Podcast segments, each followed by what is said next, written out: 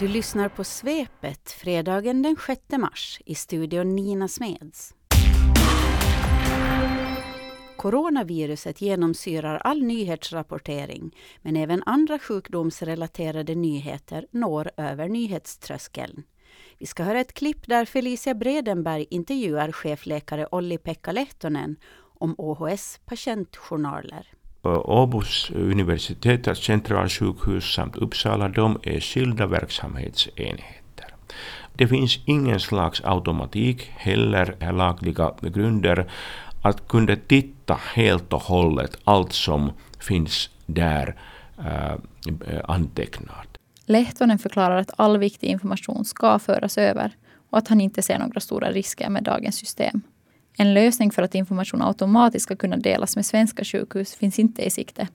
Men genom en lagändring kunde det bli möjligt med Rike.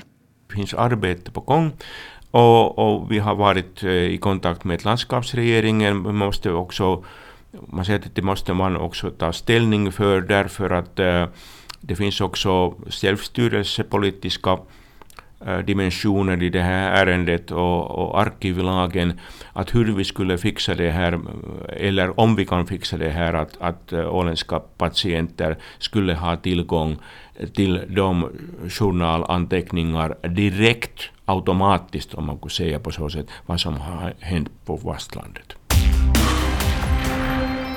Landskapsrevisionen offentliggjorde under den gångna veckan granskningen av vissa delar av landskapets verksamhet, särskilt de fristående myndigheterna Datainspektionen, Lotteriinspektionen och Upphandlingsinspektionen.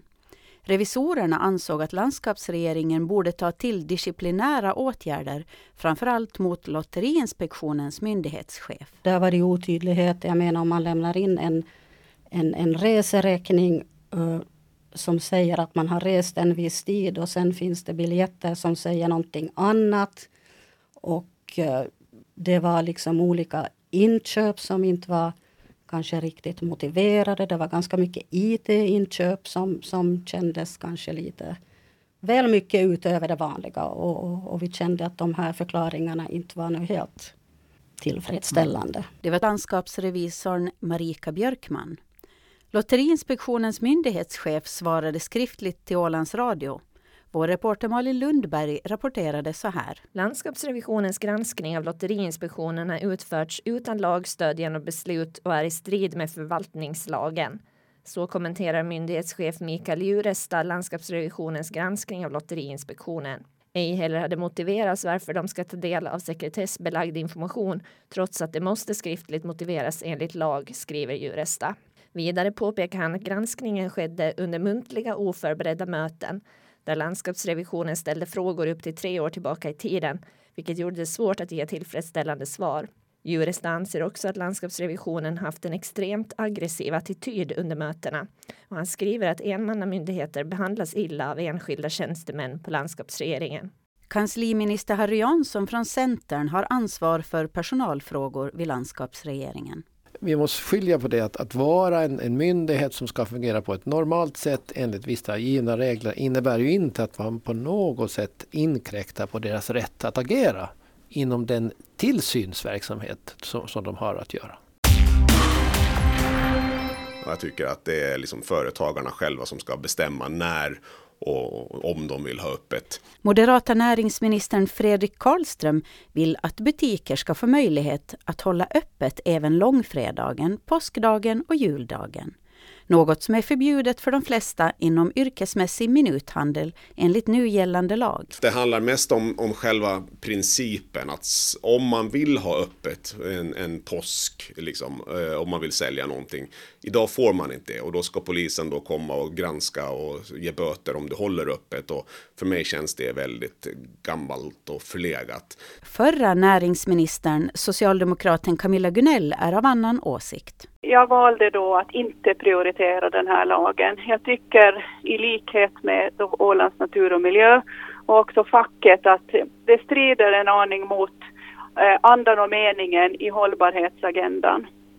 Vi behöver, vi människor, de här dagarna för återhämtning, för att ha några helger kvar där man kan ha mera tid med sin familj och inte handla, shoppa och ägna sig åt bilkörning. Det finns ju alltid någon kiosk eller någonting som är öppet om du har glömt att köpa ett gräddpaket eller någonting.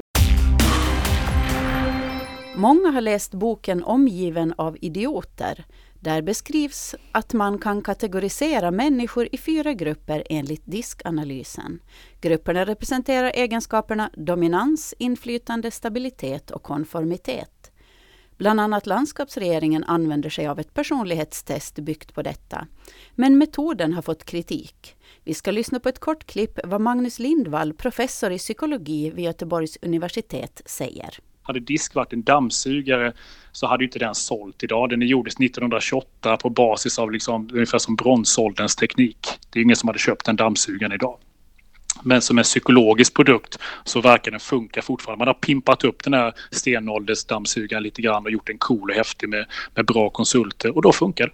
Då köper folk det. Ålands Radios reporter Felicia Bredenberg har granskat det här. Kan du kort beskriva vad den här personlighetsanalysen går ut på? Jag tycker att du beskrev det ganska bra eh, redan själv. Att, att det går helt enkelt ut på att det finns fyra sorters personligheter eller ska man säga huvud, huvudtyper av personligheter. Sen så menar man ju att man kan vara en blandning, men att, men att någon av de här då färgerna som man nu då åskådliggör de här personligheterna i är mer dominant. Och men det, är alltså ett test som man det, själv... Precis, mm. det, man, man, man fyller i ett test och det finns ju olika sorter av det här, men, men gemensamt för de som bygger då, ja de som bygger på diskteorin är att de har den här gamla teorin av en doktor som hette Dr. William Moulton Marston eh, som, som grund. Han skrev en bok då på 20-talet som sen då har, där man då har tagit vid vid hans teori och utvecklat den därifrån. Landskapsregering har lagt ner 50 eh, 000 euro mm, på närmare, Precis, närmare 50 000 euro på, eh, då har de betalat till ett företag som har hjälpt dem vid olika rekryteringar. Det handlar också om utbildningskostnader och licenser för att de själva ska få använda deras verktyg. Du har pratat med landskapsregeringen och med Optinova. Vilka är fördelarna enligt dem att använda sig av en sån här personlighetsanalys? De menar ju att man får veta mer om personligheten och att man därifrån får hjälp. Alltså de, de, de ser det som ett verktyg. Eh, att, att kunna som, eller som Pia Holsten Friman, personalchef på landskapsregeringen, uttrycker det att hon menar att de får en tredje dimension som gör att de kan vara mer objektiva eh, vid rekryteringar. När en position ska rekryteras så har man ju en profil, vad, vad för typ av, av eh, då person man söker efter och sen kan det här då hjälpa att hitta svaren.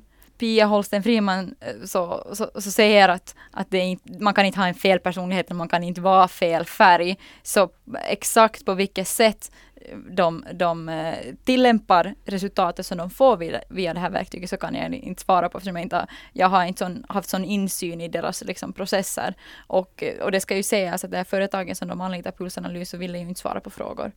Men tänk om man inte vill då gå igenom det här personlighetstestet? Eh, no, eh, gällande rekryteringar eh, i, inom landskapsregeringen så då sa Pia Hausen-Friman att, att det är frivilligt att delta och att man inte ska bli diskvalificerad. Eh, om, även, om man, även om man nekar till det. Hur det sen är, det finns ju många företag som använder eh, sig av av just det här företaget eller andra företag som också baserar sina verktyg på pulsanalyser. Det kan jag inte svara på huruvida huruvida det kan vara en nackdel i vissa, i vissa rekryteringssammanhang att säga nej till ett sådant här personlighetstest. Vad är kritiken mot det här? Kritiken handlar helt enkelt om att, att det här, den här teorin har inte kunnat bekräftas. Det finns inte, det finns inte forskning som stöder på att det skulle vara så här. Och han säger också att, att det finns ingenting som säger att personligheten, att det skulle vara så enkelt. Uh, att man kan dela upp personer i så fyra olika kategorier eller att, att, det, att det faktiskt säger någonting som ja, det har inte en vetenskaplig grund menar han och många med honom som är inom, inom fältet helt enkelt. Det är ju faktiskt intressant eh, det som han också säger i inslaget om det här att, eh, att disk, diskteorin, grunden finns då i William Moulton Marstons teorier, men, men att den har förändrats väldigt mycket och anpassats efter nutiden. Uh, och att han tror att knappast om man skulle bara ta den teorin som han, som han och hans verk som han skrev 1928 så skulle knappast någon någon använda sig av det, men liksom längs med vägen har det hänt jättemycket. Men ändå fortfarande så finns det många företag som hänvisar till honom och eftersom han var doktor och så vidare och ger den liksom legitimitet och, och menar att det har en vetenskaplig grund, att det finns forskning bakom det, vilket ju då många kritiserar. Det som man också kan höra i inslaget är ju att han använder sig av sitt intresse i BDSM, det vill säga det här ja, vad ska man kalla det, våldsamma sexuella lekar, bondage, disciplin, sadism och masochism. Mm. Att han använder sig av det också när han utformar den här diskanalysen. De här orden i disk har liksom betydelsen har ändrats, man har ändrat vad de olika bokstäverna står för. Det är bara det för dominant som har fått stå kvar nu.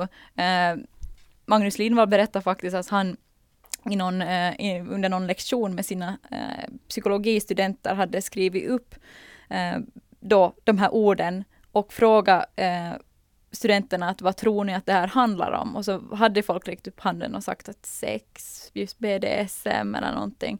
Eh, men så visade det sig då vara att det var den här teorin du pratade med landskapsregeringen och med Optinova. Ansåg de att det var värt pengarna att ha, använda sig av det här personlighetstestet? Ja, verkligen. Eh, Anders Wiklund på Optinova, så han, han svarade att ja, verkligen det är att det är inte så mycket pengar som det kostar. Pia Hosen Friman sa att, att det är, om man använder sig av andra rekryteringsbyråer eh, så blir det mycket dyrare. Att det här är liksom ett verktyg som man kan då få för mindre pengar och som ger ändå mycket. Och det ska man ju komma ihåg när man diskuterar det här, att folk känner ju verkligen att det, det hjälper. Och eh, jag pratade om, om det, diskuterade också med, med Magnus Lindvall. Han sa att det finns liksom enkla psykologiska mekanismer varför man börjar tro på någonting. För att om man liksom känner, känner igen sig eh, så är det lätt att man, att man, att man faller för det. Och, att, och att, att det är en förenkling. Och, och människor tenderar ju att tycka om saker som, som är enkelt, även om det ibland är för enkelt för att vara sant. Sist i svepet tittar vi på vilka nyheter som var mest påklickade på Ålands Radios hemsida under den gångna veckan. Coronaviruset har fått ge vika från topp tre. På tredje plats hittar vi nyheten om att samlingshuset i Jomala försenas ytterligare. Huset skulle stå klart den 20 december, sedan vecka 9 och nu meddelar byggfirman Hans Mattsson AB att man är klar den 30 mars. Byggnadskommitténs ordförande Dennis Jansson säger att avtalet med byggfirman riskerar att hävas om samlingshuset inte har godkänts vid mottagningsbesiktningen senast den 17 mars. På andra plats är det mera nyheter om byggfirma Hans Mattsson AB. Det handlar om Saltviks dagis den här gången. Byggfirman vann upphandlingen för att bygga ut daghemmet Prästkragen, men efter en kontroll i skatteskuldsregistret framkom det att firman har obetalda skatteskulder om minst 10 000 euro per den 2 mars. Nu begär kommunstyrelsen i Saltvik att byggfirman lämnar in ett intyg på att skatterna är betalda senast den 12 mars. Enligt lagen kan nämligen kommunen inte ingå avtal med en entreprenör med skatteskulder.